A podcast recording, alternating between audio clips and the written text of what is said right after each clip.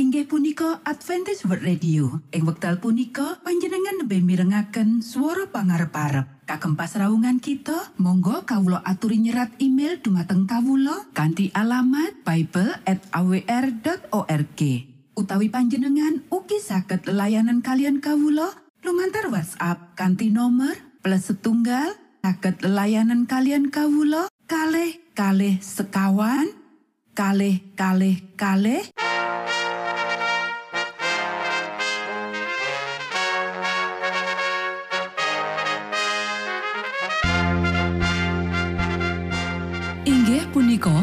Adventist World Radio ingkang giaran kanthi basa Jawi. Tentrem Rahayu kula aturaken kagem para mitra kinasih ing pundi papan lan panggonan. Sugeng pepanggian malih kalian Adventist World Radio. Kanti bingahing manah Kulo badi sesarengan kalian poro mitra kinasi. Lumantar saperangan adicara ingkang sampun rinonci. Mligi kagem panjenengan sami. Mugi giaran punika saged migunani tuwin dados berkah kagem kita sedoyo. Sugeng midhangetaken Gusti amberkahi.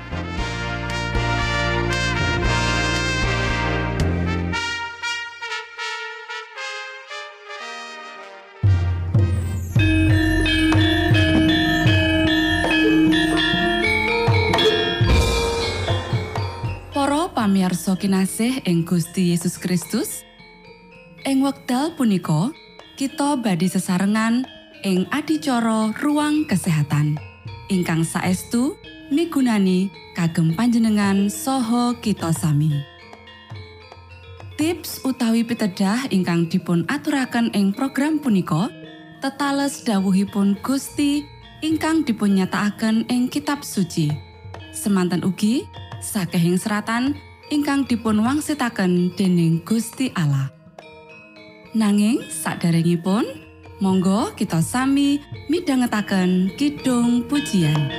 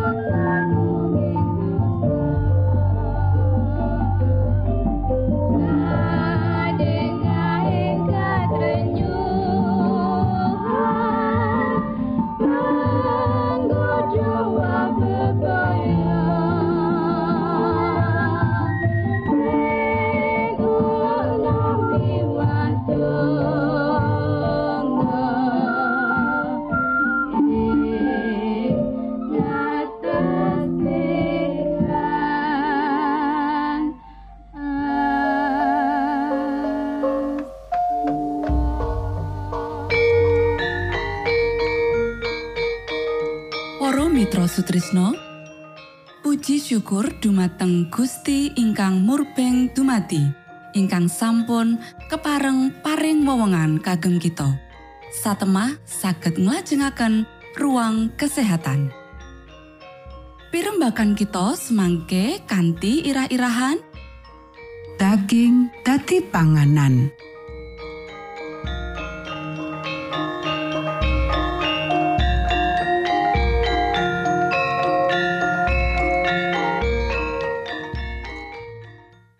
dumateng para pamiarsa ingkang dahat kinormatan sugeng pepanggian malih kalian kula Isti Kurnaidi ing adicara ruang kesehatan ing dinten punika kanthi irah-irahan daging dadi panganan. Para sedherek ingkang kinasih, panganan sing ditemtokake kanggo manungsa ing wiwitane ora kalebu panganan saka kewan. Sawise banjir bandang, nalika kabeh tanduran ijo ing jagat musno, manungsa nembe entuk idipalilah mangan daging. Sakjroning milih panganan kanggo menungsa ing Taman Firdaus, Gusti Allah nuduhake panganan apa sing paling becik. Sakjroning pilihan panganan kanggo bangsa Israel, panjenengane mulangake piwulang sing padha. Panjenengane ngasta metu bangsa Israel saka Mesir lan nindakake latihan supaya bangsa Israel dadi umat kagungane piyambak. Lumantar bangsa Israel iku panjenengane ngersakake berkahi lan mulang penduduk jagat iki. Gusti Allah nyediakake panganan sing paling apik kanggo bangsa Israel kanthi maksud iki. Dudu panganan daging nanging mana ya iku roti saka swarga.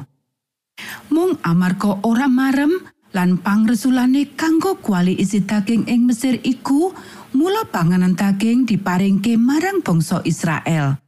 Iku wae kanggo batas wektu sing cekak. Panggunaane ngakibatake leloro lan pepati marang ewonan wong. Nanging aturane marang panganan tanpa daging iku ora tau ditompo kanthi tenanan. Bab iki terus dadi penyebab rasa ora marem lan pangresula kanthi cara terang-terangan utawa uga meneng-menengan lan iku ora dadi tetep. Para sedherek ingkang kinasih, sakwise manggon ing Kanaan, bangsa Israel diitinake nggunakake panganan saka kewan. Nanging ing sakngisore peraturan kenceng sing dimaksudke kanggo ngurangi akibate sing ala. Panggunaane daging babi ora dikeparengake. Kaya uga kewan liyane, manu utawa iwak sing daginge dinyatakake karam. Ngenani panganan daging sing dikeparengake, mangan gajah lan getih banget ora dikeparengake. Mung kewan sing serak jroning kahanan apik wae sing digunakake dadi panganan. Ora ana kewan sing wis dicacah-cacah sing mati dhewe utawa sing getih ora kabeh mili metu oleh digunakake dadi panganan. Merko nyimpang saka rancangan ilahi ngenani panganan sing wis ditemtokake kanggo dheweke, bangsa Israel banget nandang sengsara. dheweke mengenake panganan daging lan dheweke ngunduh akibate. Bangsa Israel ora tekan standar kapribadeni Gusti utawa netepi karsanipun Gusti. Padha diuja kekarepane nanging awake uga banjur dikanjar lorong glayung. Bangsa Israel biji bab katonyan ing sandure perkara karohanen. Lan dheweke ora entuk sifat unggul sing suci sing dirancangake kanggo dheweke kabeh. Para sedherek ingkang kinasih, wong-wong sing mangan daging sak temene mung mangan wiji-wijian lan jejanganan sisa. Amarga kewan iku sing entuk zat gizi sing menehi pertumbuhan saka bahan panganan iki. Unsur panguripan sing ana ing sakjroning wiji-wijian lan jejanganan iku mlebu menyang jero awak sing mangan. kita nampa kanthi mangan daging kewan iku. Saipo ato luwih apik menawa kita ngentokake kanthi cara langsung. Kanthi cara mangan panganan sing Gusti Allah wis cawisake kanggo kita iku. Para sederek, panganan daging ora tahu dadi panganan sing paling apik. Lan panggunaane saiki saya ditolak. Mergo anane loro ing jerone awak kewan-kewan iku sing saya mundak. Wong-wong sing mangan daging mung sedidik mangerteni apa sak tenane sing dheweke pangan. Asring menawa wong-wong weruh kewan iku samangsa isih urip lan mangerteni mutu daging sing dipangan, mesti dheweke bakal ninggalake merga mual. Manungsa terus-terusan mangan daging sing ditulari kuman TBC lan virus kanker. Kanti cara mangkono, lelara TBC, kanker, lan lelara bebayani liyane ditularke. Jaringan awak babi kebak karo parasit. Ngenani babi, Gusti Allah ngendika, "Karam iku kanggomu. Daging kewan-kewan iku aja mbok pangan lan kowe aja kena badangi." Dawa iki diparingake amarga daging babi pancen ora cocok dadi panganan. Babi ya iku tukang mangan badang. Lan iki siji-sijine tugas sing dimaksudke kanggo babi. Sakjroning kahanan kepiye wae, daging babi ora entuk dipangan karo wong. Ora mungkin daging sato urip iku nyehatake menawa unsur panganane sing baku iku najis, apa maneh mangan barang sing jijikake. Matur nuwun, Gusti amberkahi.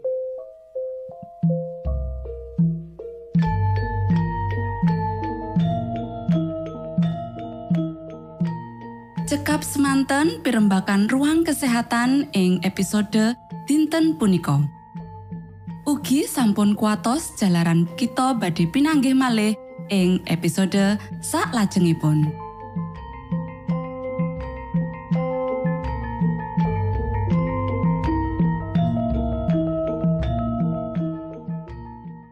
Inggih punika adicara ruang kesehatan.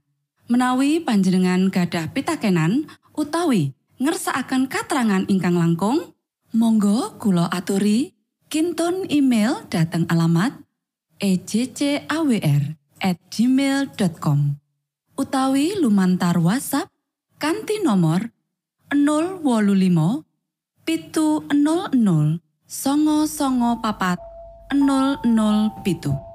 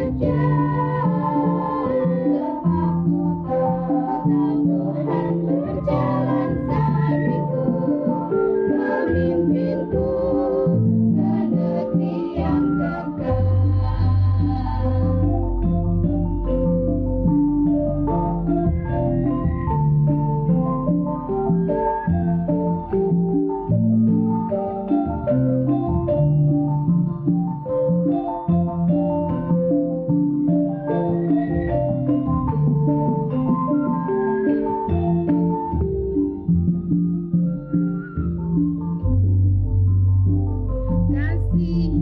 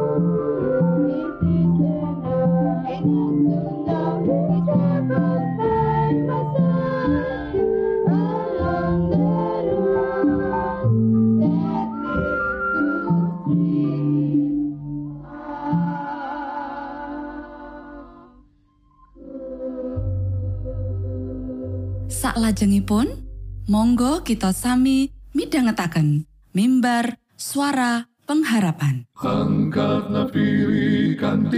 pawarto Sang Kristus paderamu. Pro umat samyo puji asmanyo Sang Kristus paderamu punika mimbar suara pengharapan. Ing episode punika kanthi irah-irahan Chaos kanthi sukolilo sugeng midhangetaken. Minangka tondo Sang Kristus paderamu Ilmu kawero tambah lan tambah Sang Kristus paderamu Paderamu Paderamu Sang Kristus paderamu Shalom para pamiarsa ingkang kinasih wonten ing Gusti. Sak menika kita pada mitangetaken renungan Sabto pangantikanipun Gusti. Ing dinten punika kanthi irah-irahan Chaos kanthi sukolilo Para sederek ingkang kinasih wonten ing Gusti Sabto pangantikanipun Gusti ing kitab kalih Korinta pasal songo ayat pitu inggih menika Saben wong pawewehe dikaya kang dadi rilaning atine. Aja kanthi sedih utawa marga kapeksa. Awit Gusti Allah iku ngasihi wong kang pawewehe kanthi sukarila. Para sedherek ingkang kinasih, sedaya bisungsung kita ketah dipun aturaken kanthi sukalila. Amargi menika saking arta ingkang Gusti sampun anggap pantes dipun panggenaken ing tangan kita kagem maksud majengaken pakaryanipun Gusti Allah ing jagat. Supados kendera kaleresan dipun umbulaken wonten ing margi-margi ageng lan alit ing jagat.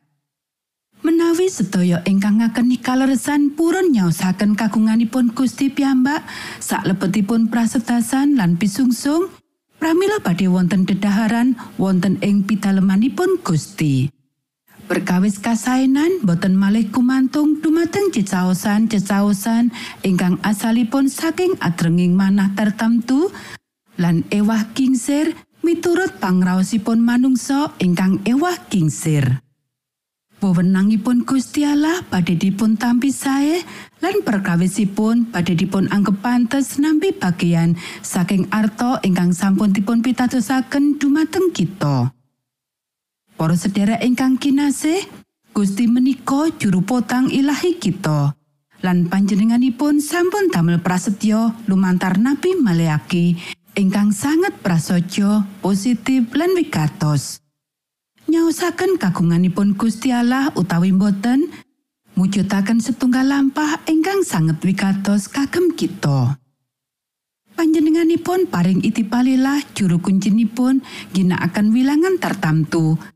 Lan nalika piyambak-piyambakipun ginakaken kagunganipun menika, pramila panjenenganipun berkahi pondo menika ing astanipun. Setunggal setunggalipun rancangan ingkang miturut Injil sanes kagem ngrimat petamelanipun Gusti Allah inggih menika rancangan ingkang dipun tindakaken kagem pakurmatanipun manungsa kewolo boten kagem petamelanipun. Para sedherek ingkang kinasih tiang-tiang ingkang dados penampi se palinirmanipun ingkang menggalihaken palang kalvari boten badhe mitangletaken ngengingi bagian ingkang badhe dipun jaosaken namung badhe rumaos Pilih senatian cecaosan paling ageng, sedaya menika badhe karaos sekalangkung alit, sedaya boten timbang kalian peparing palinirmo paling ageng saking putra tunggal Allah. Lumantar nyingkur diri, tiang-tiang paling sekeng manggihaken margi-margi, mangge perkawis kagem dipuncaosaken kondur dumateng Gusti Allah. Para sedherek ingkang kinasih, tiang sugih sampun rumaos, bilih piyambakipun pareng rumaos marem kanthi namung nyaosaken artanipun. Tiang-tiang sepuh lan para putra sampun nganggep dirinipun menika gadahanipun piyambak. Lan rumaos bilih piyambakipun saged ngginakaken wekdal lan kagunganipun sak sekecanipun piyambak. Piyambakipun menika bondo kagunganipun Gusti Allah ingkang sampun dipun pundhut. Lan Gusti betahaken kegiatan badanipun ingkang kedah dipun ginakaken kagem ngasilaken samukawis kagem kahartanipun Gusti. Para sedherek ingkang kinasih, menapa saben jiwa nganggep kasunyatan bilih pemuritan Kristen menika kalebet nyingkur diri, ngurpanaken diri, keporo nyaosaken gesang menika piyambak menawi wigatos kagem panjenenganipun ingkang sampun maringaken nyawanipun kagem pagesangan jagat. Monggo kita sami ndedonga. Do Rama kawula ingkang wonten ing swarga asma patuko mugi kasucikaken. Kraton patuko mugi rawuh. Karso patuko mugi kalampahan wonten ing bumi kados dene wonten ing swarga. Kawula mugi kaparingan rejeki kawula sak cekapipun ing dinten punika.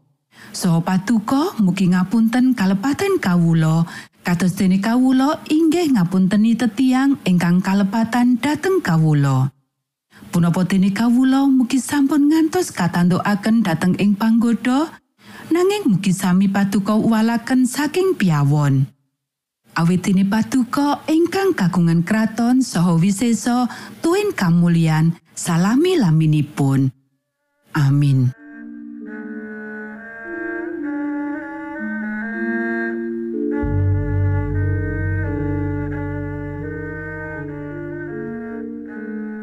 Mitra Sutrisno pamiarsa kinasih ing Gusti Yesus Kristus. Sampun paripurno pasamuan kita ing dinten punika. Menawi panjenengan gadah pitakenan utawi ngersaakan seri pelajaran Alkitab suara nubuatan Monggo Kulo aturi kinton email dateng alamat ejcawr@ gmail.com utawi lumantar WhatsApp kanti nomor 025 pitu 00 songo songo papat 00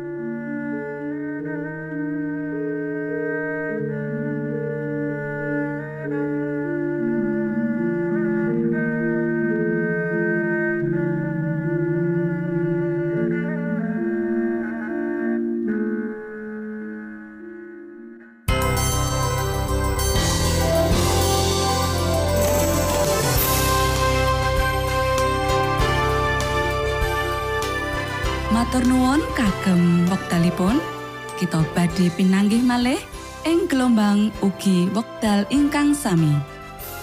Saking studio kula ngaturaken tentrem rahayu. Gusti amberkahi kita sedaya.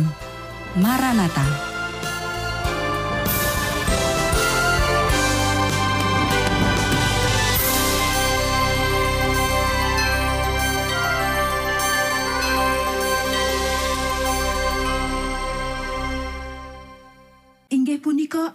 Adventist Radio. Ing wekdal punika panjenengan lebih mirengaken suara pangarep-arep. Kagem pasraungan kita, monggo kawulo aturi nyerat email dumateng kawulo kanti alamat bible@awr.org. Utawi panjenengan ugi saged layanan kalian kawulo lumantar WhatsApp kanti nomor plus setunggal saged layanan kalian kawulo kalih kalih sekawan kalih kalih kalih